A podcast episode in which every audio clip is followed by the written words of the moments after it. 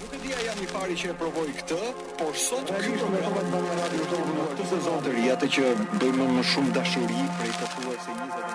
Kur ka pyetje për përgjigje të forta, Eno Popi rikthehet në Top Albania Radio. Dilema sociale.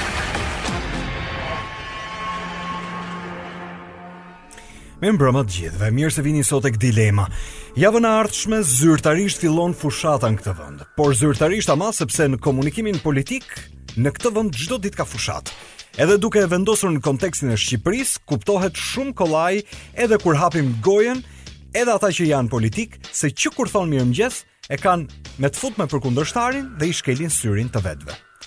Politika në këtë vend është sport popullor, aq sa PS-ja versus Partia Demokratike ose kundërta duken gati si derbi dhe kryefjala e çfarë uh, bën VIP-at e politikës në këtë vend është edhe sikur, ë, t'jesh pjesë e bisedave ditore të çdokujt, edhe sikur të duash mos t'i mendosh në fakt i ke pjesë tavolinave, njerëzit flasin për ta. Sociologjikisht, një vend i vogël dalë nga izolimi dhe ende me papunësi të konsiderueshme, fundja me çfarë do të merret në fund të ditës, pra ju e kuptoni vetë. Dhe kjo në çdo nivel ekonomik apo intelekti të njerëzve. Partitë politike kanë futur në këto zgjedhje emra të rinj nëpër lista. Shumë prej tyre të rinj në moshë. Deri tani nuk ka asnjë rekord si ai i para dy legjislaturave ku deputetja më e re nga LSI-ja, 18 vjeç në atë kohë shqyrtonte ligje, ndërsa i duhej t'kapte edhe provimet e maturës shtetërore për të hyrë në shkollë të lartë. Ndërkohë, precedentë që nuk na surprizojnë më, po të ndodhin sërish, por së paku në këto lista nuk duket. Sot do t'u japim vëmendje emrave të rinj në politikë tek Dilema në radio, edhe një herë të rinj në politikë që janë 35 e lart që kanë vendosur të merren me parlamentin. Se të reja në politikë në fakt është dhe doktoreshë Najada dhe inxhiniere Luljeta, por besoj vrullin e tyre rinor, zonjat e kanë kaluar në ara fabrika dhe kantiere sepse kështu ishte koha e tyre. Ndërsa koha e datëlindjeve 83 e lart, sot mund t'i gjesh me shumicë nëpër lista, sepse partitë politike po investojnë tek vrulli dhe energjia e tyre. Por kjo ndodh çdo 4 vjet. Në një pikëpamje gjenuine, është gjëja më e mirë transfuzioni rinor në politikën tonë të mbrapshtë dhe konfliktuale, por shenjat tregojnë se në të vërtetë çdo vit të rinjtë e politikës janë në fakt ata që marrin më shpejt huqet e xhaketave të vjetra. Rreshtohen më shpejt te kryetarët, janë përgjithësisht ushtarë të bindur dhe gjasat që ndonjë zë të dalë i rebeluar nga grupi janë shumë të pakta. Okej, okay, kjo që sapo thashë në fakt nuk është paragjykim ndaj dorës rinore të deputetëve që shkojnë në parlament shumë shpejt, por një lexim i vërtetë i asaj çfarë ka ndodhur me të rinjtë e mëparshëm, të cilët të uh, ndonjëherë ca duan t'i ngjajnë babës në parti dhe ca liderit me firmë dhe me vulë. Okej, okay, çfarë do t'i bëjë këta të rinjtë e sotëm që të jenë ndryshe në lista? Prej dy muajsh po merrem me një projekt politik në Top Channel që quhet Kandidati, Kërkon të ballafaqojë me publikun figura të reja, që jo vetëm uh, duan votën e qytetarëve. Megjithatë ajo që vë re është se dhe në fakt kjo nuk më habit me thënë të drejtën, është se ata zotohen, premtojnë deri në betim personal se ata do të jenë ndryshe, do të bëjnë diferencën. Por koha do ta tregojë. Unë sot do të dëgjoj tre prej tyre që nuk i lidh asgjë. Janë profile krejt të ndara, Edhe aq më shumë me bindjet, kështu që vetëm pas pak në radio më bashkohet Ori Nebiaj. Ajo është e 18-a në listën e demokratëve. Po ashtu, um, unë do të dëgjoj sot Bojken Abazin, që është përfaqësues i pavarur, është përfaqësues i vetëvendosjes, po në fakt është i pavarur në lista. Dhe po ashtu, një kandidat i pavarur po aq, i cili vjen nga shtresa minatorëve, quhet Elton Debresh. Por në fakt ata nuk i beson, unë mendoj, avokat Spartak Ngjela, i cili thotë se Të gjithë të rinjtë në politikë kanë nga një huq, dhe nuk janë kaq gjenuinë sa premtojnë. Dilema sociale. Ori mirë se erdhe në program. Eno Popi mirë se të gjeta. Çfarë impostimi është tani? Pra mendoni një një moment kur rrugët tona u ndanë, Befas ne vendosemi përballë ku unë kam interes me ty, ti përgjigjesh. Rrugët tona nuk janë ndarë kurrë, ne kemi qenë jo, gjithmonë miq. Jo, edhe jo më larg se sot në mëngjes, edhe unë dua ta them këtë për herë të parë publikisht, ime ëmë më tha kur unë i thashë që kam kam një takim special me Enon. Ë uh, tha do ma puthësh fort dhe mam Mos e harro kurrë! Ai çun ishte një ndër arsyet kryesore pse ti u riktheve në televizion. Edhe ti e mban mend atë ditë kur më ke marrë në telefon, edhe unë e mbaj mend atë ditë dhe s'do ta harroj kurrë. Edhe le të themi që dua të të falenderoj publikisht këtu në shtëpinë tënde të dytë Top Albania Radio. Unë falenderoj se pak njerëz janë mirënjohës në jetë dhe natyrisht ti je një prej tyre. Por Ëm, uh, ajo gjë që unë doja të them në rastin konkret është që tani për shkak edhe të ditëve që po jetojmë, ti je përfshirë në një listë kandidatësh e cila me gjas, me të gjitha kalkulimet, probabilitetin e ka të lartë për t'i dhënë një hapje dhe një rrugë tjetër karrierës tënde, e cila në fakt nis me media-komunikimin, po jo rastësisht është në politikë.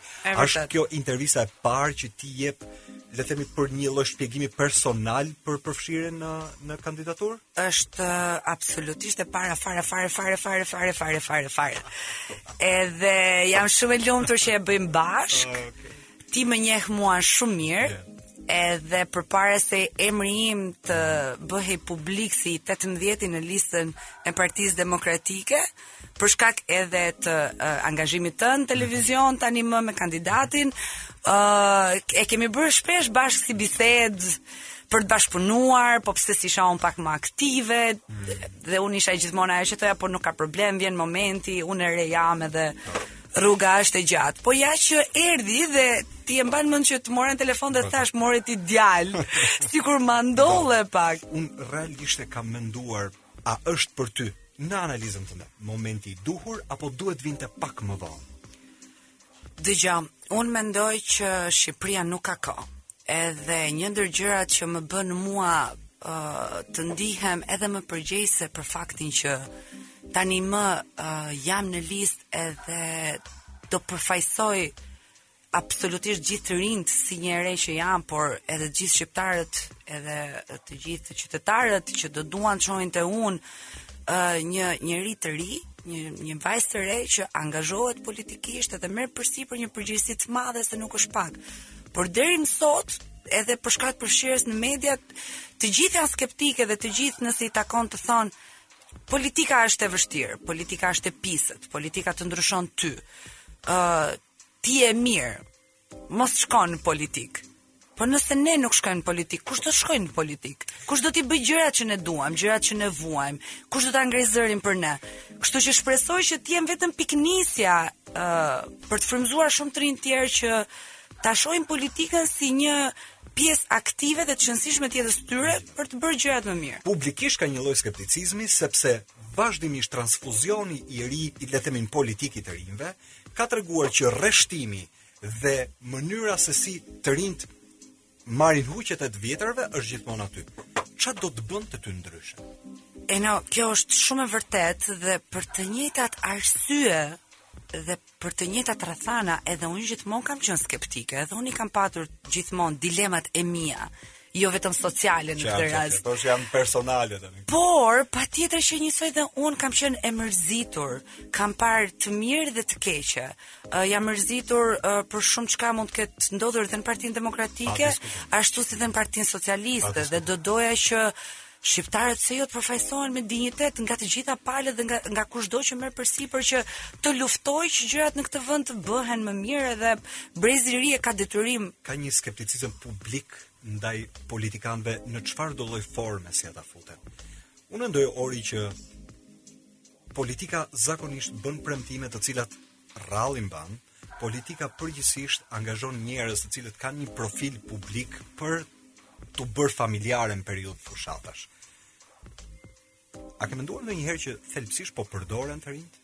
Unë do isha shumë e lumtur për të gjithë emrat e rinj që do ishin në politikë. Është një nga problemet më të mëdha edhe ajo çfarë të gjithë kanë diskutuar në çdo moment. Ëh, uh, Jemi të lodhur nga politika e vjetër, jemi të lodhur nga ata të cilët kanë vite që janë aty dhe duam emra të rinj. Ti e di që unë kam patur një eksperiencë shumë të mirë edhe në kandidimin që unë kisha në forumin rinor të Partisë mm. Demokratike. Mm -hmm. Vendosa që të isha në atë garë, uh, edhe pse isha shumë e re në atë terren, luftova shumë, pikërisht për të dhënë një mesazh dhe një frymëzim dhe një model ndryshe që e para si grua, e dyta si e re, e treta si një vajzë ambicioze dhe idealiste që punon fort, dua që unë të jem një nga njerëzit që mund të përbëjnë modelin e mirë, që të rinjtë të rrinë këtu edhe mos t'ikin jashtë. Qartë, megjithatë Ori, ë uh, ti e di për shkak të do të tregoj një episod tani, për shkak të uh, angazhimit me uh, kandidatin, përgjithsisht më është dashur të intervistoj njerëz të cilët janë të rinj në moshë po. dhe kanë dëshirë që të kontribuojnë në parti politike për zgjedhjet e ardhshme. Ata janë në lista zyrtarisht.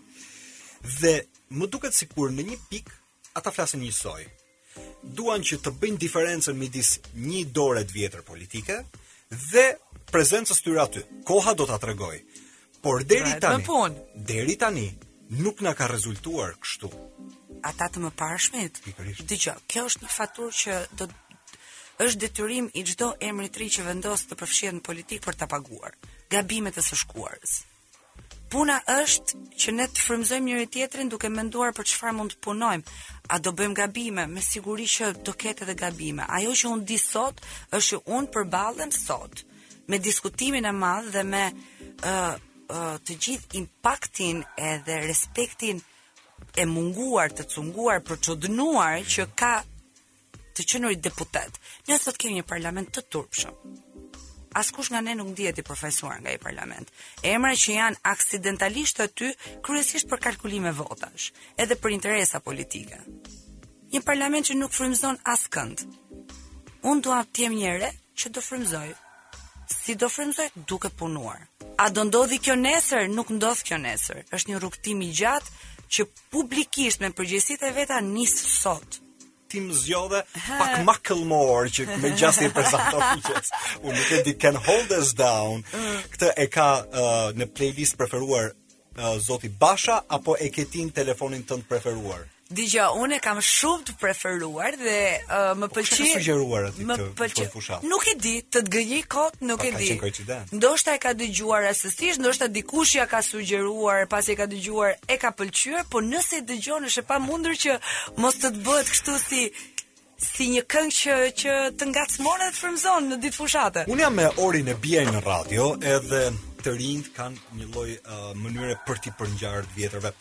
Dëshira për t'i rënë sy udhëheqësit të partisë për nga vinin në forumet rinore ishte e dukshme. Unë atë periudhë nuk jam marrë me ty. Dëshira për, Por... për të bërë si ai që t'i biesh në sy duke qenë si ai është shumë e shëmtuar me thënë të drejtën. Por nuk e nuk e injorojmë dot. E kanë bërë. Jo, nuk e injorojmë dot. Ka ndodhur dhe vazhdon të ndodhë. Kjo është ajo gjëja që në publik nuk ngjit. Është që po nuk ka të rinj me një lloj identiteti. Nuk ka të rinj të cilët të kenë të shkruar gati se në ballë s'e kanë, po të kenë të shkruar që, dëgjo, Gjërat ndryshe mund të bëhen, ne jemi individë ndryshe nga të tjerët. Askujt nuk i duhet kopja kur ti ke origjinalin. Edhe unë nuk e kam kuptuar ashtu si dhe ty, uh, sepse kjo gjë ndodhte dhe vazhdon të ndodhë, edhe mendoj që është një gjë e shëmtuar krejtësisht. Në Partinë Demokratike i gjë. I gjen në Parti Socialiste, i gjen tek LSI. Në Parti Socialiste është edhe më keq kjo pikë, se ndoshta Basha është shumë konservator në mënyrën se si ai prezantohet, nuk është ai arroganti apo ai që luan apo tallet, edhe ti mund ta kopjosh në këtë pikë. Por Është modeli për ta kopjuar në në vlerat që ai përcjell. Po nuk ka nevojë të bëhesh si ai. Ai ka nevojë ashtu si dhe ne kemi nevojë për individë që i përfaqësojnë të gjithë. Uh, kur them individë që i përfaqësojnë të gjithë, nuk po them që unë do përfaqësoj ose çdokush që më sheh mua do e ndiejë veten të përfaqësuar nga unë. Unë dua që ata të cilët do të ta ndiejnë veten të përfaqësuar nga unë, ta gjejnë elementin e tyre tek unë. Nuk mund të jemi të gjithë njësoj, nuk jemi të gjithë njësoj, pse duhet të jemi të gjithë njësoj? Duhet të jemi ndryshe. Mhm. Dhe kjo na bën ne asete të vyera që plotësojnë një puzzle shumë të rëndësishëm. Ti ishe mirë në punën tënde. Unë jam gjithmonë mirë në punën time, asnjëherë s'kam qenë keq në punën time. Kjo edhe një. Ëm, Unë e di që ti je mësuar me uh, sfida dhe gara që që e vogël. Mhm. dhe praktikisht këtë ta njoh. Por nga ana tjetër, ajo gjëja që pastaj kur futesh në ca lista që janë, pastaj kjo është më më, më e plot. Ti futesh në ca lista përfaqësuese, do shkosh përfaqësosh votën popullore në kuvend. Dhe lëndimet janë shumë më të mëdha. se sa uh, një fitore apo një humbje e vogël brenda ca forumeve. Edhe fitoret pastaj dhe humbjet shkaktojnë ca emocione më të forta. Po sikur mos ndodh Kori. Nuk ka as edhe një problem, edhe pse jam e sigurt që do ndodh. Është momenti i nevojshëm Eno, zgjedhjet absolutisht që Nuk janë krijuar si proces për të të dhënë pushtet, janë krijuar për të të hequr nga pushteti në mënyrë legjitime, kështu që mendoj që ky është momenti dhe është absolutisht i nevojshëm për të gjithë. Edhe nuk është çështja bëhem unë deputete apo jo. Çështja është A do ja dalim që të bëjmë një ndryshim të duhur dhe që do të vlejë për më mirë. Si do të kishe qenë ti një zë nuk po them rebel, po një zë i arsyeshëm kundër linjës qoftë edhe të establishmentit Partiak, ku ti je? A mund të kishe thënë brenda parlamentit dhe ne e kemi parë, brenda parlamentit ka pas vazhdimisht devianca.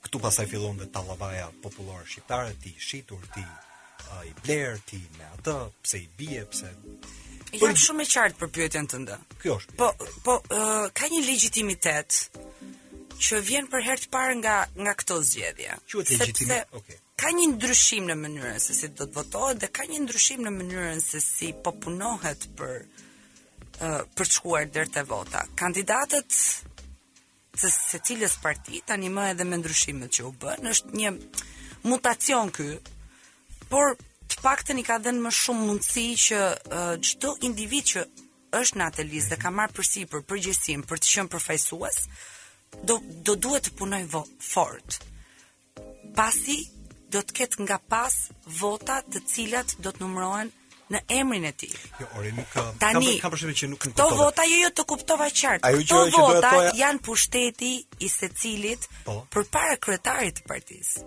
Që do të nesër në parlament unë përfaqësohem nga të gjithë ata që më besuan në emrin tim.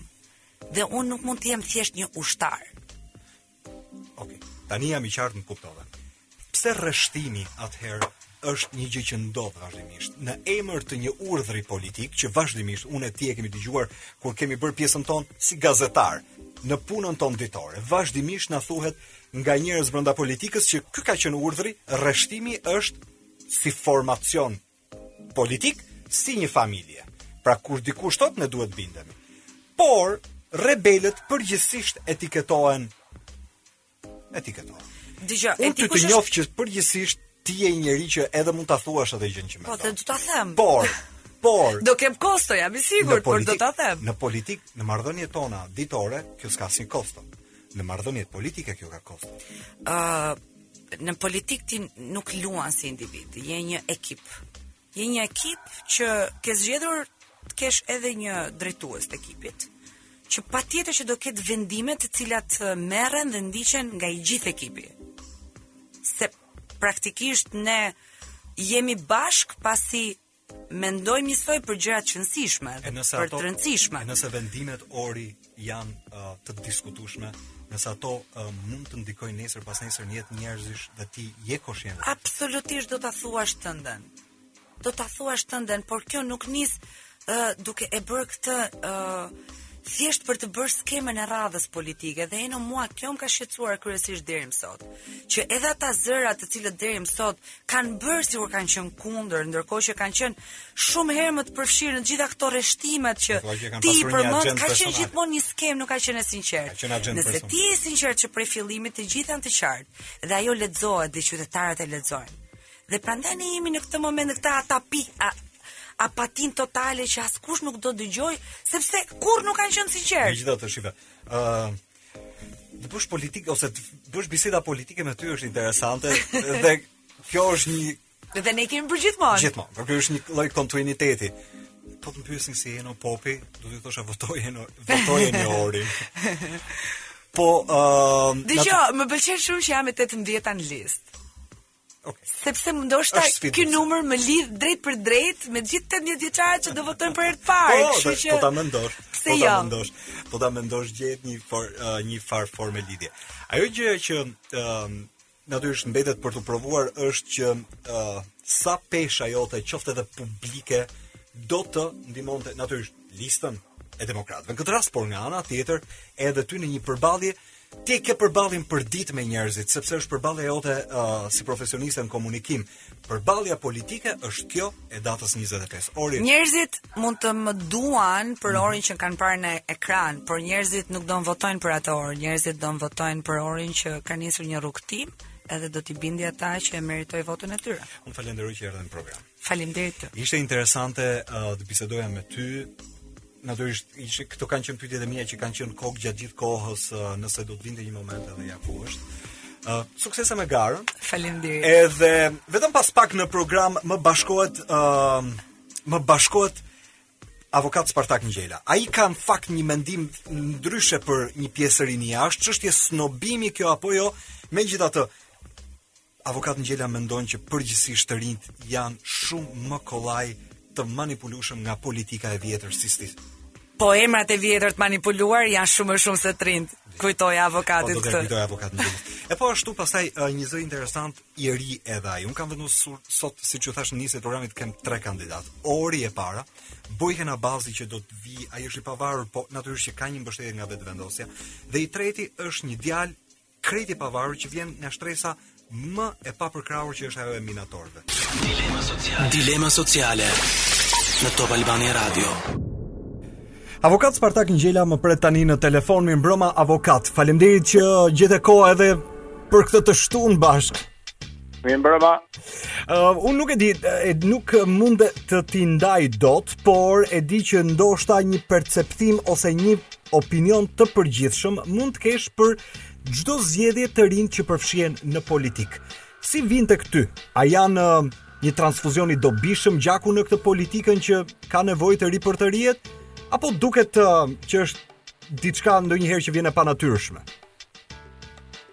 Është diçka spontane. Okej. Okay. Që vjen si pasojë e paaftësisë së kryetarëve të partive të cilat janë unikale. Domethënë që kryetari i partisë vendos për gjithçka në funksion të zgjedhjeve. Të rinjtë nuk mund të hyjnë dot jashtë një sensi politik. Që të jesh novator në politikë, mm -hmm. në funksion të të rinjve, duhet të ndjekësh praktikat dhe shkollat perëndimore. Të gjitha partitë e mëdha në perëndim marrin studentë ekselentë mm -hmm. ose njerëz të profesioneve o të ligjit o të ekonomisë që janë të rinj, dhe i fusin në kurset e tyra politike. Politika në perëndim në shkollë. Këtu është ç'të të them unë ç'është. Është bjeri t'i biem. Okej. Okay. Ndoshta avokate unë e kuptoj që këtu vjen më shumë militim se sa si formim, ë, politika në një sens siç ju e thatë. Megjithatë, ka një tentativë që vazhdimisht dhe kjo jo pa të, të drejtë e opinionit që kanë frikë se kushdo që vjen në politikë dhe sidomos të rinjtë janë ata të parët që dorëzohen, janë ata që uh, përshtaten me uh, frymën e vjetër që gjejnë në partitë e tyre tradicionale apo në parlament nëse do të shkojnë, janë ata që rreshtohen të parët me votë ndaj kryetarit, ndonjëherë të parët më të, si me thënë, të uh, uh, Se s'po gjej dot termin që duan t'i ngjajnë kryetarit. Më të zellshëm për t'i ngjarë kryetarit. Për çfarë arsye një i ri deformohet shumë shpejt? Jo tash, ja vijnë nga spontaniteti. E para, e dyta është vetë shoqëria në një gjendje të rëndë. Mm -hmm. Në funksion të individualitetit. Dhe pastaj e treta është që janë partitë në gjendje intelektive, intelektuale shumë të dobët. Më thoni cili nga këta ka një vepër të shkruar? Asgjë. Më thoni çfarë koncepti kanë kryetarët e sotëm? Asgjë. Atëherë ç'mund të kenë tjerët? Po pse fitojnë? Sepse gjend, pse fitojnë dhe pse qëndrojnë? Sepse gjendja në Shqipëri është e rëndë. Si në ç'kuptim është e rëndë? Nuk ka qarkullim elitash sepse S'funksionon ligji. Mm. Këtu ne duhet të kemi parasysh një gjë. Jemi një shtet kapitalist. Të paktën të një kapitalizmi që s'funksionon ligji, po prap, shtet borgjez. Por duhet të kemi, duhet të kemi ndërkohë të kujtohemi që të gjithë këta janë korruptuar. Qartë. Dhe kapitalizm do të thotë para. Qartë Por nuk do të thotë para që të blesh zgjedhjet. Nuk do të thotë para që të fund të hedhësh paratë për të fituar ë pushtetin. Këta tani nuk i kanë paratë e tyre. Nuk i kanë as paratë e bankave dhe as paratë e donatorëve. Këta kanë paratë e korrupsionit Dhe janë dy parti dhe nuk lejojnë që të ketë lëvizje të reja meqë flisni ju. Mm. Më tregoni, nuk lejojnë sepse uh, votat më falni, mirë mirë thashë, votat votat i numërojnë këta. Ku jemi në stalinizëm? Se si është stalinizmi, po them unë, në vitin 1925, mhm. Stalini i humbi zgjedhjet. O 25 o 26 rreth këtyre viteve. I humbi zgjedhjet. E rrëzoi populli. I vajtin i thanë ata shoku Stalin se me shoku flisnin. E humbëm.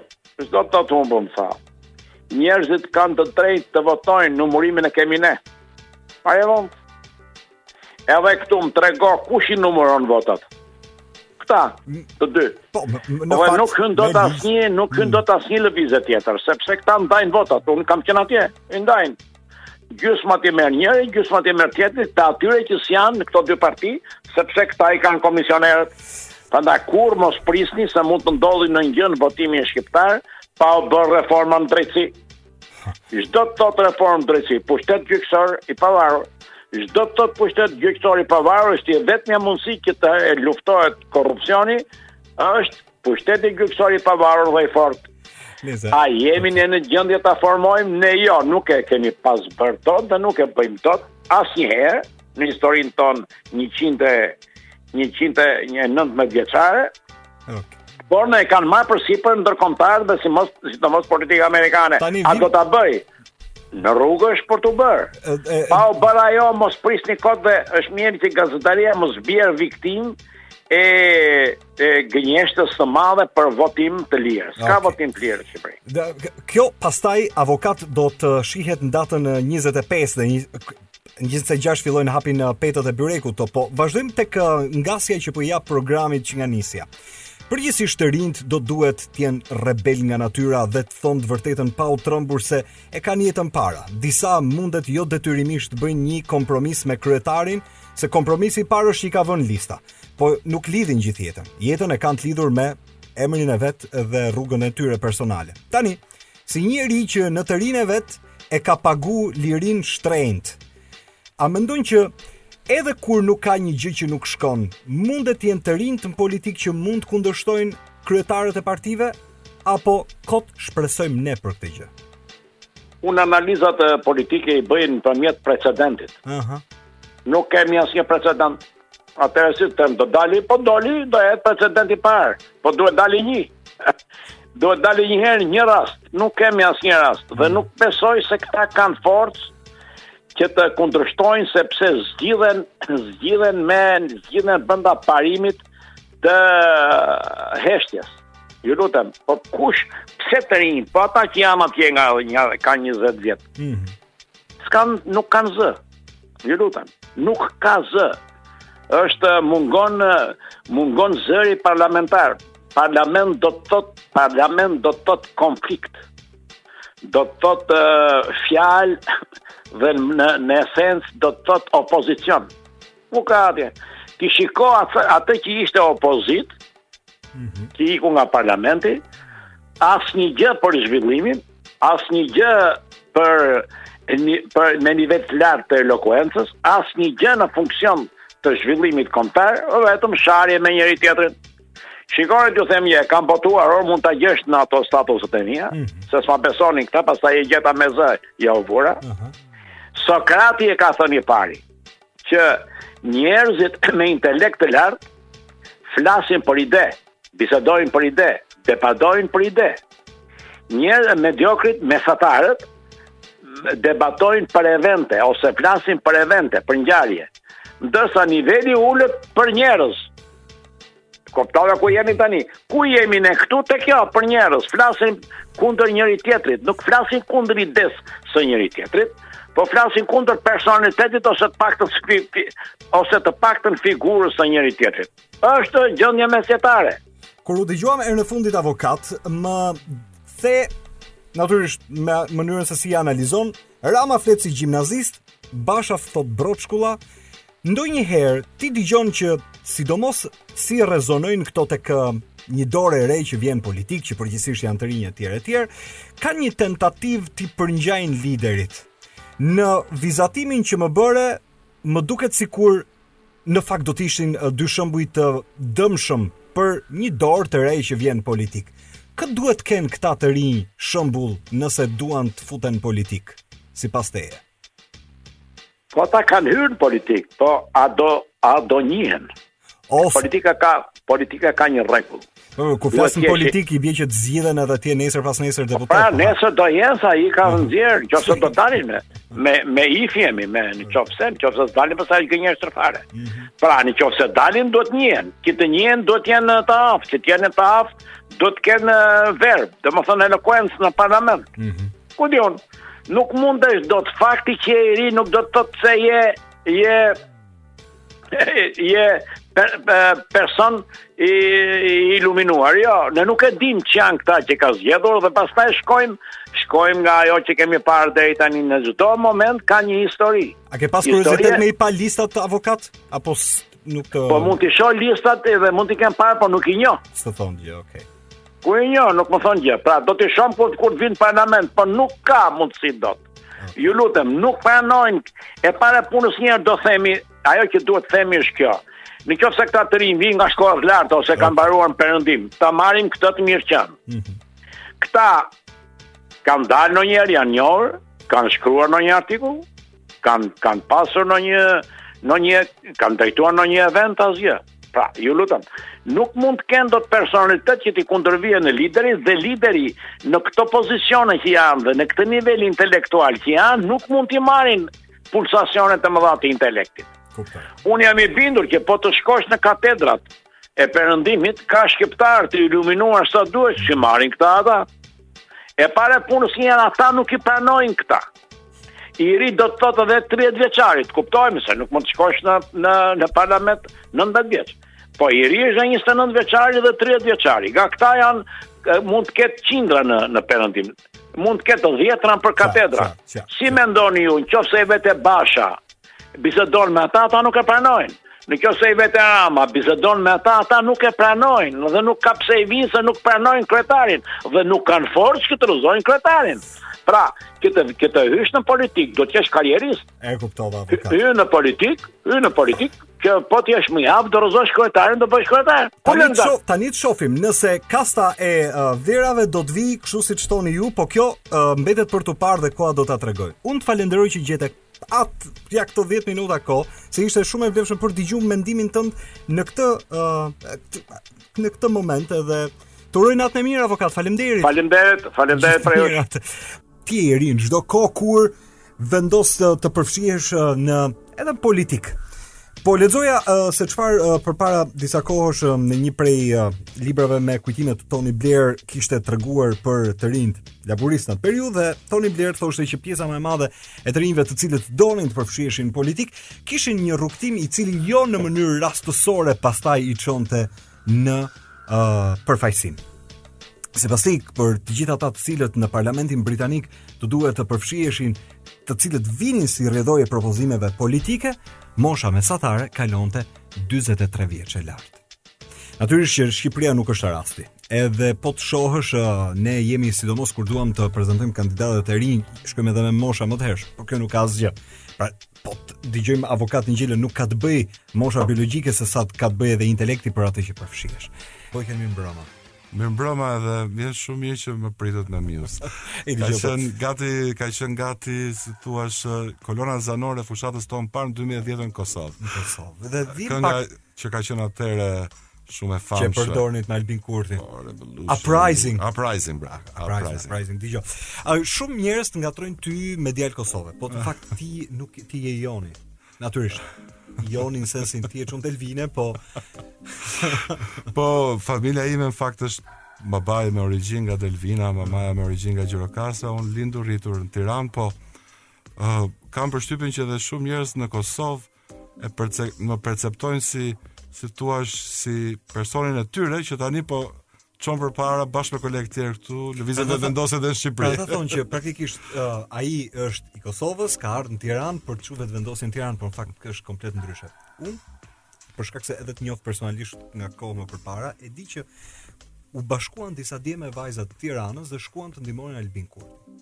Okej. Okay. Deri në një pikë ka qenë interesante se ju gjetët një ambientim në një sens për kauzën politike të Albin Kurtit. Ama ti je i pavarur, i regjistruar i pavarur. Dhe ti po aq sa shumë edhe majtas dhe djathtas, pavarësisht si me thënë siglës politike, djem e vajza të rinj që futeni kësaj radhe në garë politike në zgjedhje. Si të duket ty? Apo gjendesh mirë me këtë do të themi periudhën e para fushatës apo po të duket në një moment e vështirë, po vështirësit për të përballuar janë, kështu që pse jo. Po për çfarë ndjesie po të jep gjithë kjo situata e këtyre ditëve. Po unë kam marrë pjesë në shumë zgjedhje, por kryesisht kam qenë anëtar shtabi, anëtar shtabi i përgjithshëm në Kosovë, kam drejtuar shtabin e Prishtinës, kam drejtuar shtabe lokale, Shtabe lagjesh, mm. asnjëherë si kandidat, është hera e parë si kandidat. Se ka një specifikë tjetër, e gjitha. Megjithatë, kjo përvojë, shpresoj që të më ketë ndihmuar të kuptoj uh, gabime, ose të, të më vijnë ide bazuar edhe mbi gjëra që janë bërë më herët, të cilat po përpiqemi edhe t'i zbatojmë këtu. Është e vërtetë që ne jemi të pavarur formalisht, përmbajtësisht, Tre kandidaturat që po mbështet Lëvizja Vetëvendosje Qendra në Shqipëri janë në Lezhë, në Gjirokastër dhe në Tiranë dhe në Lezhë kemi Iljaz Shehun, i cili po kandidon gjithashtu si i pavarur në Gjirokastër Kreshnik Merxhanin. Të dy japin dhe mësim në universitet, Kreshniku për restauro këtu në Tiranë, mm -hmm. kurse Iljazi për filozofi politike. Po ju nuk e di në strategjinë politike, nuk e di a ju ndihmon fakti që dilni të pavarur apo ju penalizon fakti që nuk ka një logo të VV-s aty. Ka vështirësi e veta, por si thua në Vetëvendosje jemi mësuar me shumë vështirësi. Kështu që uh, ne do jemi numri 13 në fletëvotim, ah. sepse KQZ-ja ka vendosur të japë numrin 13 të gjithë kandidatëve të pavarur. Kështu që kjo do kjo është një lehtësim nga për ne të paktën. Kur çdo i pavarur, çdo i pavarur. E ka pasur edhe 13. Po, edhe Elton Debreshi në në Dibër, po, po. edhe ai do ta ketë numrin 13 si ne. A është Nëse është edhe numri që fiksohet, meqë ora është 19. Ters, ters ne mendojmë për politikanët e vjetër, por fat për ne. ora, si ora është 19:13 minuta. Fiks. Ne vetëm pas pak. do të flasim gjatë për dy aspekte të të rinjve në politikë. Si njeri ikur nga Tirana, me eksperiencën e Tiranës duke bërë analizën se çfarë të rinjsh ka në Prishtinë dhe se si fjala vjen për shembull politika në Kosovë uh, i thret të rinjt në politik, unë nuk e di, po më duket mua bëhet një lloj diference me atë se si po ashtu në Tiranë kryetarët e partive i thrasin të rinjt për t'u përfshirë në politikë. Dhe ti duke njohur dy realitetet, mund të më bësh një analizë vetëm pas pak për këtë. I rikthemi argumentit. Ti njeh djem e vajza të rinj që uh, partitë politike në Kosovë i rekrutojnë për të përfshirë po aq realiteti që ti ke parë dhe po shef është se si partitë politike këtu po rekrutojnë të rinj. Ku bëhet diferenca midis Kosovës dhe Shqipërisë? Tani mbase unë do të kthehem mbrapa në kohë, dhe unë jetova një disa vite jashtë Shqipërisë, dhe jam kthyer në fund të 2005-s. Dhe unë nuk e kam gjetur veten time në subjekte politike këtu në Shqipëri, kam menduar prej asaj kohe që ne duhet të krijonim një subjekt jashtë subjekteve ekzistuese. Ëm ehm, um, dhe çfarë ndodhi është që këtë subjekt, të cilin unë mendoja që duhet ta ngrinim në Shqipëri, kuptova që kishte marrë tashmë një formë në Kosovë. Që ishte pra, vetëvendosje. Që ishte Lëvizja Vetëvendosje. Dhe ndaj meje ushtronte një forcë magnetike, dhe jo vetëm ndaj meje, po edhe ndaj shumë prej kolegëve të mi këtu në Tiranë. Uh, mbaj mend uh, që intervistën e parë që kam dëgjuar Albin Kurt, Albin Kurtit, përmendi dy autorë Frantz Fanon, Ha-Joon Chang, mm -hmm. autorë që unë i kisha lexuar dhe kisha shumë për zemër gjatë studimeve të mia në në Amerikë. Edhe Në 2010-ën, shumë prej nesh vajtëm vullnetarisht në Kosovë të ndihmojmë. Dhe mua mund të them pa pikë dyshimi që ajo përvojë ma ka ndryshuar jetën në kuptimin e parë të fjalës. ë uh, ishte shumë prekse, shumë emocionuese, shumë frymëzuese si fushatë me mijëra vullnetarë. Qartë. Që ishin brenda një organizimi të cilin unë nuk e kisha parë në Shqipëri, po të cilin e kam e kisha dashur gjithmonë. Dhe ky organizim është i pazakont, është i pazakont edhe për Kosovën ka qenë i pazakont, edhe për Shqipërinë është i pazakont. Dhe mendoj kjo ka qenë dhe arsyeja pse ka pasur këtë forcë magnetike dhe shumë prej nesh i lamë punët këtej, i lamë të gjitha, u përfshim me mish e me shpirt aty. A ka një diferencë, i rikthem edhe një herë pyetjes, Bojken, a ka një diferencë midis formës se si të rinjtë përfshihen në politikën e Kosovës me formën se si ti e gjen këtu. Po unë mendoj që partitë e regjimit të vjetër që mua më pëlqen t'i quaj në Kosovë kanë ngjashmëri me partitë ekzistuese në Shqipëri. Okej. Okay. Uh, mendoj që aty ka shumë ngjashmëri për nga mënyra se si funksionon partia. Të marr për shembull një rast, ja. nuk po përmend cilën parti. Ë, uh, po që është edhe uh, indikative e sistemit të brendshëm të tyre. Një person që unë njoh që drejton një sektor në njërën nga partitë më tregonte se si për të ushtruar detyrat e saj të caktuara nga partia, ajo duhet të kërkonte pare në mënyrë informale ose nga udhëheqësit e partisë, ose nga personat e fuqishëm, biznesmenët afër partisë, sepse partia nuk alokonte një buxhet për detyrat e caktuara për partinë. Pra imagjinoni ti futesh në një parti, fut vjen një vjen mbase 18 vjeç ose ja, okay. me një detyrë 30 vjeç sapo je kthyer ta zëmë nga studimet jashtë dhe tani ti futesh në një sistem krejt informal favoresh që aty ti prishesh sistemi është problematik prej fillimit Ne në vetëvendosje funksionojmë në mënyrë të rregullt me buxhete me zëra, për shembull sipas departamentit, sekretariatit e kështu me radhë, që mundëson që ti ta kryesh detyrën pa patur mundësi ti t'i t'i kërkosh pare t'i thuash të fortit ose të pasurit të partisë. Por që... si sjellje, e kam përshtypjen që edhe në Shqipëri dhe në Kosovë është e njëjtë. Ka njerëz që kanë fuqi uh, financiare i afrohen partive, ka njerëz që ose ka politikanë që i kanë të nevojshëm për mbështetje dhe backup këta uh, të fortit e financave. Kam përshtypjen që kudo një soj është. Kudo një soj tani një do, më, do të shohim, më, më, do të shohim edhe më gjerë në Ballkan, po aq një soj. Po prandaj unë them është e pazakontë lëvizja. Duhet ta kemi parasysh ka pas momente, ë ku i vetmi buxhet që ka pas Lëvizja Vetëvendosje ka qenë uh, 200 euro në javë nga artikujt që botonte Albin Kurti te gazeta Zëri në atë kohë që praktikisht e i çonte pastaj i kthente po i kthente në, në arkën e Lëvizjes domethënë kjo është arsyeja pse as këtu në Shqipëri po po as në Kosovë ne nuk kemi pranuar para nga burime të dyshimta, para nga persona që konsiderohen si biznesmenë që kanë kapur shtetin në Shqipëri dhe kanë kapur pasuritë nëntokësore ose kanë krijuar monopole të ndryshme.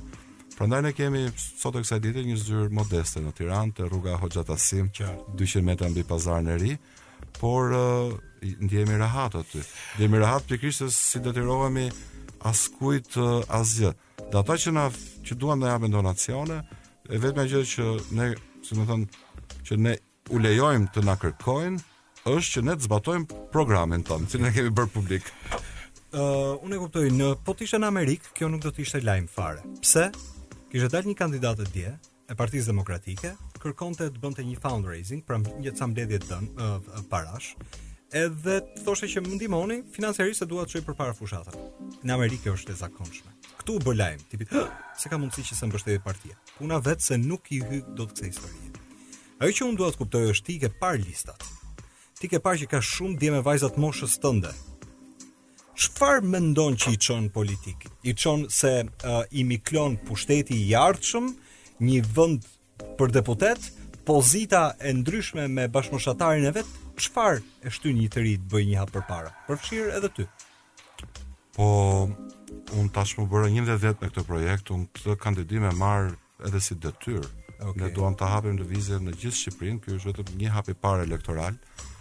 Kurse Duhen pyetur të rinjtë nëpër parti të tjera çfarë i motivon. Mendoj që ata ka ka aty shumë të rinj që janë me vlera. Mendoj që një pjesë e tyre, për shembull nëse flasim për partitë opozitare, mbase i bashkon një frymë anti anti pushtet. Mhm. Kjo fryma anti pushtet në Shqipëri është është ngjallur hera-herës në shumë zgjedhje. Një herë kundër Nanos, pastaj kundër Berishës, tani kundër Ramës. Mirëpo, unë mendoj që këtu problemi kryesor ka qenë uh, pohimi i një alternative të re. Se për frymën anti mbase shqiptarët edhe organizohen, po, organizohen e bëhen, bëhen bashkë hera-herës, po për të pohuar një alternativë të re dhe të qëndrueshme, Mendoj që këtu ka dështuar në Shqipëri.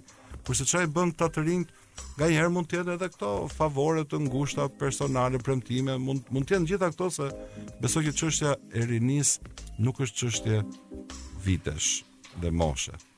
Është më shumë çështje idesh. Ne këto dy javë kemi anëtarësuar, mund të them, anëtarin më të ri dhe anëtarin më të vjetër. Më i riu është 17 vjeçar. Dhe më i vjetër? Më i vjetri është 72 vjeçar. Okej. Okay. Edhe ky që takova, që u anëtarësua 72 vjeçar, mund të them që ishte më i ri në ide e në shpirt, Ah. se sa shumë prej njerëzve që takoj. Ti nuk më ikën uh, mua vetëm pas pak se kam uh, nja katër pyetje të forta në raport me Vetëvendosjen për shkak se si duket si eksperiment fillestar me zgjedhjet në Shqipëri, po uh, po ashtu vetëm pas pak do të lidhemi me një tjetër 13, se këta 13 që janë të pavarur, Edhe vetëm pas pak eh, do të lidhem me Elton Debreshin që është eh, përfaqësues vetëm tek Pool, por ai mendon se përfaqëson minatorët e vendit. Dilema sociale. Okej, okay, unë jam me Bojken Abazin ende ndërkohë vetëm pas pak do regjia kur kohën kur duash ti për të marrë Eltonin në telefon, më thuaj. Ëm um, u bë një kronikë Top Channel. Sa interesante m'u duk kronika për prezantimin e Vetëvendosjes me ardhjen e Albin Kurtit. Ishin njerëz që rrinin qytetarë të Tiranës nga ana tjetër e trotuarit. Gazetari i pyet: "Ore, dëgjo, ne mjaft parti kemi këtu tani Albin Kurti ka ardh dhe një prej tyre më ngeli mendje po e shifte dhe thoshte dëgjo. Ky ka bë burg. Duket që është uh, garip çun artist. Dhe kjo që më ngeli mendje ishte se në si më thënë analizën e ati qytetari ishte në fjalët e tij. Sprova ishte për të bërë më i fortë dhe bënte diferencën ky nga tjerët, se ka heq burgun kurriz. Dëgjo, kur juve keni vendos me hap Vetëvendosjen në Shqipëri. Ju e dini që do kishte edhe njerëz që do ta mendonin kështu, do kishte edhe njerëz që do thoshin mjaft kemi ç'na duhen këta. Për çarsye vetëvendosja është në Tiranë? Ti ke dëgju vazhdimisht këtë pyetje. Jo shpesh, mendoj që qytetarët që po takojmë për ditë e mirëpresin. Kam kuptuar për shembull, nuk e kam ditur, po tani hmm. nga këto takime që po bëjmë për grumbullimin e nënshkrimeve kështu me radhë, që gjithë gjimnazistët në të gjitha gjimnazet e Shqipërisë dëgjojnë vetëm muzikë nga Kosova. Dhe Përveç të rinjve, mm -hmm. duket që entuziazmi që ka prodhuar fitorja, veçanërisht fitorja e fundit historike e Lëvizjes Kosovë, është diçka që në kuptimin e mirë të e lakmojnë edhe qytetarët këtu. Kështu që e kanë mirëpritur. Ne kemi marrë nënshkrime jo vetëm në Kurbin, Mirditë, Lezhë, po edhe në fshatat e thellë të Këlcyrës, Përmetit, Tepelenës e Gjirokastrës. Dhe duket që, duket që kjo kjo ky debat është më shumë debat që është duke u zhvilluar në media se sa mes qytetarëve. I duket që qytetarët e shohin këtë si diçka shumë normale që është. A, a e mendon që e shohin si mënyrë organike apo ka ndonjëri që mund të shkojë përtej në analizë duke thënë, dëgjo një sekond. Nuk është eksperimentale ardhja e Vetëvendosjes. Tre kandidatë, të cilët janë shpërndarë në tre qarqe të vendit, realisht mundet që njëri prej tyre, qoftë dhe matematikisht, qoftë me frymë, pra nuk kanë rëndësi tentativa për të shkuar në parlament, mund të rezultojë e suksesshme. Dhe këtu mjafton të krijohet një precedent i cili pastaj duke ardhur me zgjedhjet e ardhshme dhe kështu zgjedhjet e ardhshme, të jetë pjesë e një plani pak më qenësor. A është kështu e kanë gabim njerëzit nëse e mendojnë që eksperimenti që po bëhet tani ka në fakt një plan që qëndron nga mbrapa. Po, po, le të themi që nuk ka teori konspiracioni, ne e kemi jo, shpjeguar. Jo, s'është konspiracion, thjesht po, për të kuptuar ka një po, plan. Konkret. Jo, nuk po them që ju e thatë. Po për ata që po na dëgjojnë, ë uh, ne e kemi shpjeguar publikisht. Mm. Që sigurisht që ka një uh, plan, është publik, ne duam uh, Ne kemi zgjedhur tre zona në mënyrë simbolike jug, veri, Shqipëri e mesme, pra Lezhë, Gjirokastër, Tiranë. Dhe plani është që mundësisht pas kësaj fushate nëse qetësohet dhe pak situata me pandeminë, mm -hmm. ne të nisim dhe një tur kombëtar në çdo qytet, në çdo qytezë, në çdo fshat të madh të rretheve të Shqipërisë, për të ngritur në një të ardhme të afërt struktura në gjithë vendin sepse për të garuar me lista të plota uh, në Shqipëri. Ne mendojmë që këtu uh, mungon ndërthurja programore e Lëvizjes Vetëvendosje. Që nga njëra anë kërkon një ndryshim rrënjësor të modelit ekonomiko-politik, mm -hmm. ne besojmë që ekonomia duhet bazuar në prodhim dhe duhet bërë një zëvendësim sa më shumë të jetë e mundshme i importeve, sepse prodhimi rrit punësimin që të mbush arkën e shtetit që të mundësh mbulosh të sektorë jetikë, shërbime jetike për qytetarët publike, siç është arsimi dhe shëndetësia, që ne po e vuan edhe sot mbi kurriz. Por nga ana tjetër, këtë model ekonomik, sigurisht ne e ndërthurim edhe me një përpjekje, një projekt që s'është yni, por buron prej Rilindjes Kombëtare, ne duam ta përshtasim me nevojat e shqiptarëve në shekullin 21, që është e drejta e popullit shqiptar në Shqipëri e Kosovë për të votuar një ditë me demokraci, me referendum, me demokraci drejtpërdrejt për, për bashkimin e Kosovës me Shqipërinë. Ne e dimë që kjo nuk do ndodhë nesër. Ka hapa deri aty, kështu që qasja jonë, rrugëtimi jonë kërkon të bëjë bashkë integrimin në BE krahas integrimit kombëtar. Prandaj duheshin Vetëvendosjes deputetët në Tiranë?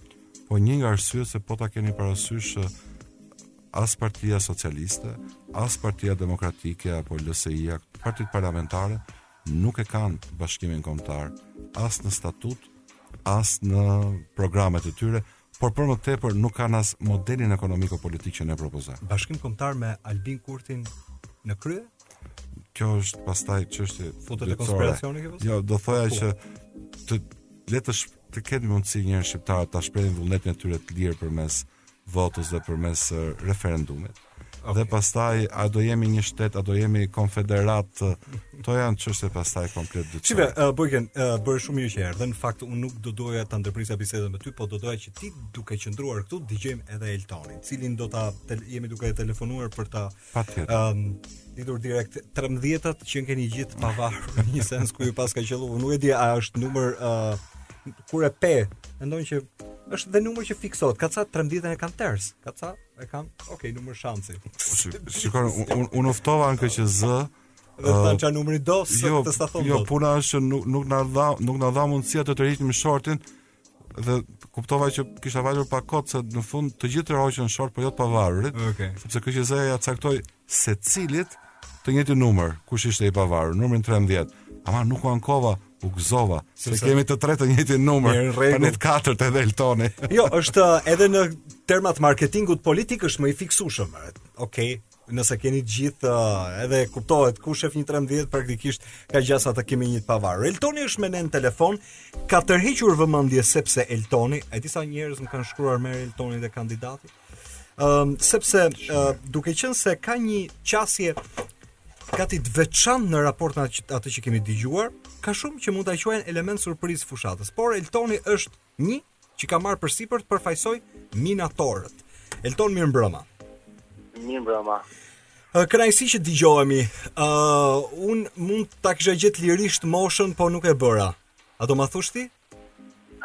Po, mosha ime është 31 vjeç. Ëh. Uh -huh. Jam i martuar. Ëh. Uh -huh. Baba i katër fëmijëve. Ëh. Uh -huh. uh, si si gjithë pothuajse uh -huh. shqiptarët që ne martohemi shpesh edhe shpejt në fakt. Jo, dhe shpesh ndonjëherë ka dhe njerëz që nuk i përtojnë kësaj jo, pune, megjithatë, e mos mbetemi tek batuta, kapemi pak tek thelbi. Okej. Okay. Po. po ti vendose me dal si zë.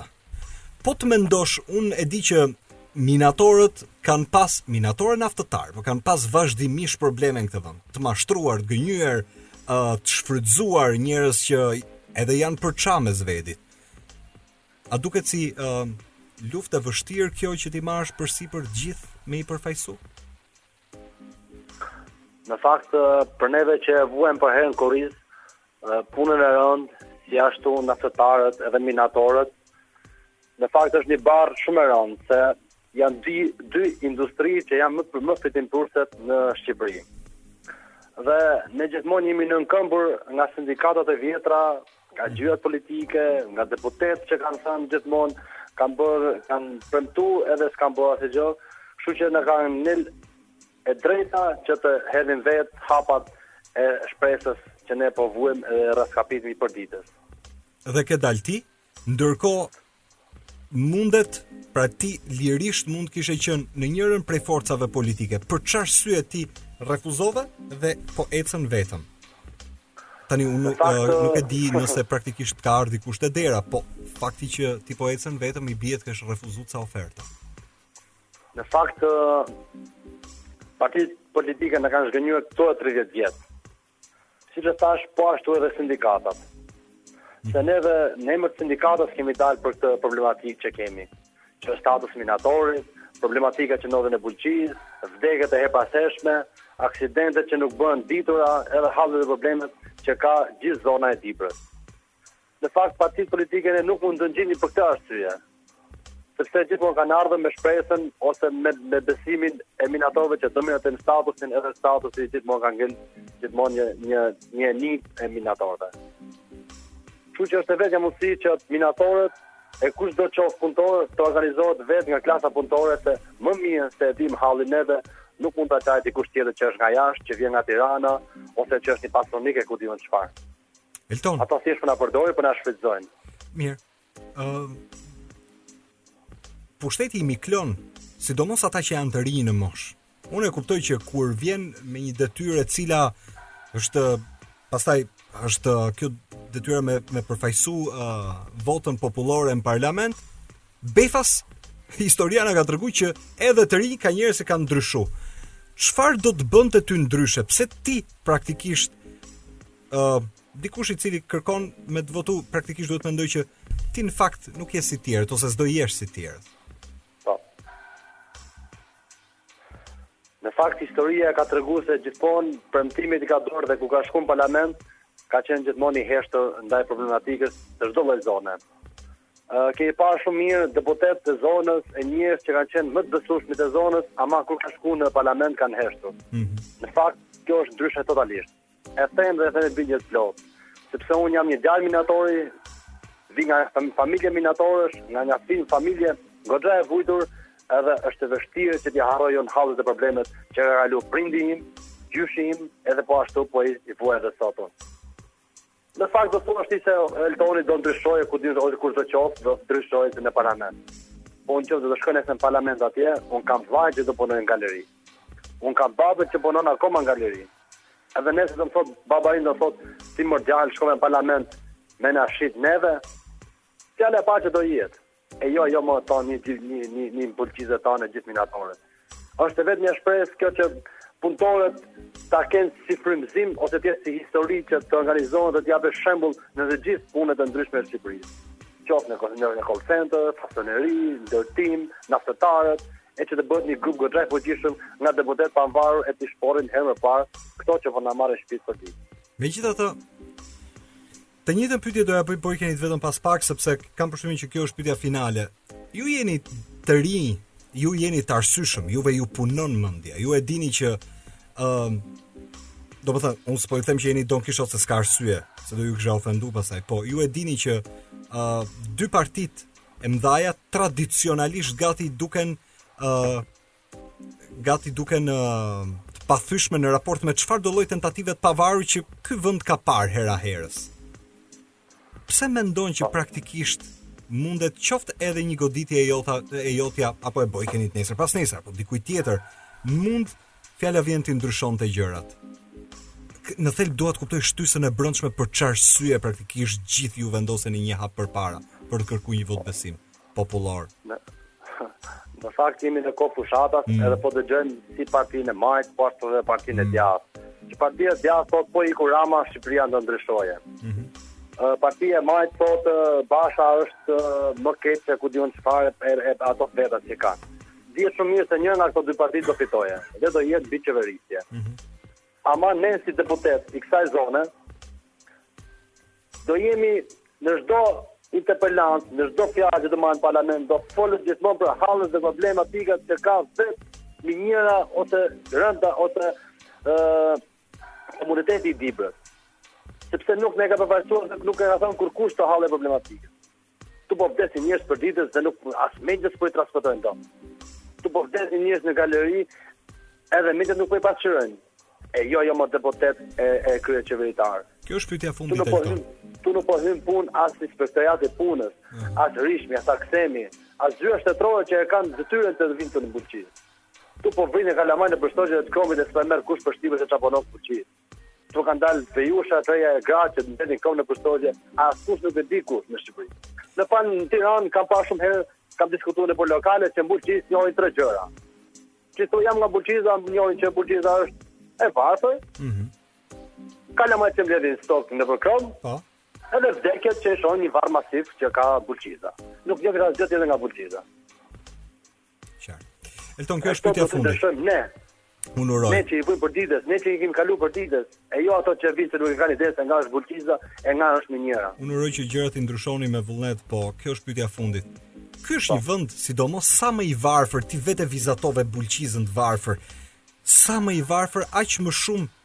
e shesin dhe e trafikojnë votën. Vota blihet në këtë vend. Ne s'na bën më përshtypje kjo punë se se është një sport tanimë i ditur i verifikum kot me Bonaivin. Sa frikë ke se qoftë edhe ata të cilët në sy ta thonë se do të votojnë, por ditën e votimit mund të ndodhë ndryshe. Ça zhgënjimi do kishe Marti? Në fakt kjo ka qenë gjithmonë se shitje e votës, bllokimi i kartave, mm, presioni i mm. punës, edhe e kanë funksionuar gjithmonë kjo pjesë. Ama këtë radhë ne nuk kemi ça humbim më. Okay. Nuk kemi se ku të marrim presion nga çdokush i partive. Sepse po vujmë për ditë edhe kemi një bllokadë goxha të madhe, po thjesht nga pagat e pamarra, nga pensionet që dalin goxha të ulëta, nga hallet e problemet që ka zona, kështu që besoj se ato edhe lekun do ua marrin, edhe votën s'kanë për t'ua dhënë. Okej. Okay. Këtë na kanë thënë vetë banorët që lekun do ua marrim sepse është leku jonë, që na kanë marrë gjithë këto vite, edhe votën e lëshojmë aty ku na ndjen zemra, aty ku është e drejta. Okej. Okay. Edhe unë me ju jam. A ju a japin lekun? Merjani dhe votoni siç ju doni me votu. Falemderit, uh, falemderit. Edhe të uroj uh, suksese me garën, mbetet për të parë pastaj se si do shkojë e gjitha. Elton Debreshi ishte me mua nga Bulqiza. Uh, ka publicitet rikthehemi vetëm pas pak. Dy batutat me Bojkenin na çojnë drejt mbylljes programit. Dilema sociale. Edhe e mbyllim shkurt fare gjithë këtë histori është e njëta që mm, pyetje që i bëra dhe Eltonit Bojken për ta për, për t'i vënë kapak. Për çfarë arsye njerëzit duhet të mendojnë që ti je ndryshe nga të tjerët? Ty pushteti nuk do të të ndryshojë. Ti je një njeri që e ke seriozisht këtë punë. Së pari unë uh, doja dhe ta përshëndes Elton Debreshin kandidatin në Dibër. Ai e ka shumë më shumë të vështirë se sa unë. Ne e kemi ndjekur çështjen e minatorëve të Bulqizës dhe e kemi në programin tonë, në qëndrimet tona publike, mbrojtjen e sindikalizmit dhe statusin e minatorit. Kështu që i uroj uh, i uroj fat, i uroj uh, Uroj sukses në këtë iniciativë. Së dyti, sa i përket iniciativës që kemi ndërmarrë këtu në Shqipëri me lëvizjen Vetëvendosje dhe unë si i pavarur, do shumë prej nesh mund të kishim patur mundësi të tjera me partitë ekzistuese. Mirpo, mua më duket që ajo që na dallon është një përpjekje e vazhdueshme brenda lëvizjes Vetëvendosje Se ne nga ky popull kemi dalë, kemi gjithë defektet e këtij populli, po ajo që na dallon është diskutimi i brendshëm, mekanizmat e brendshme përmes të cilave ne përpiqemi si të thuash t'i rregullojmë këto defekte. Koha është, kjo dhe këtu e mbyllim Bojken, koha është faktori më i mirë në çdo rast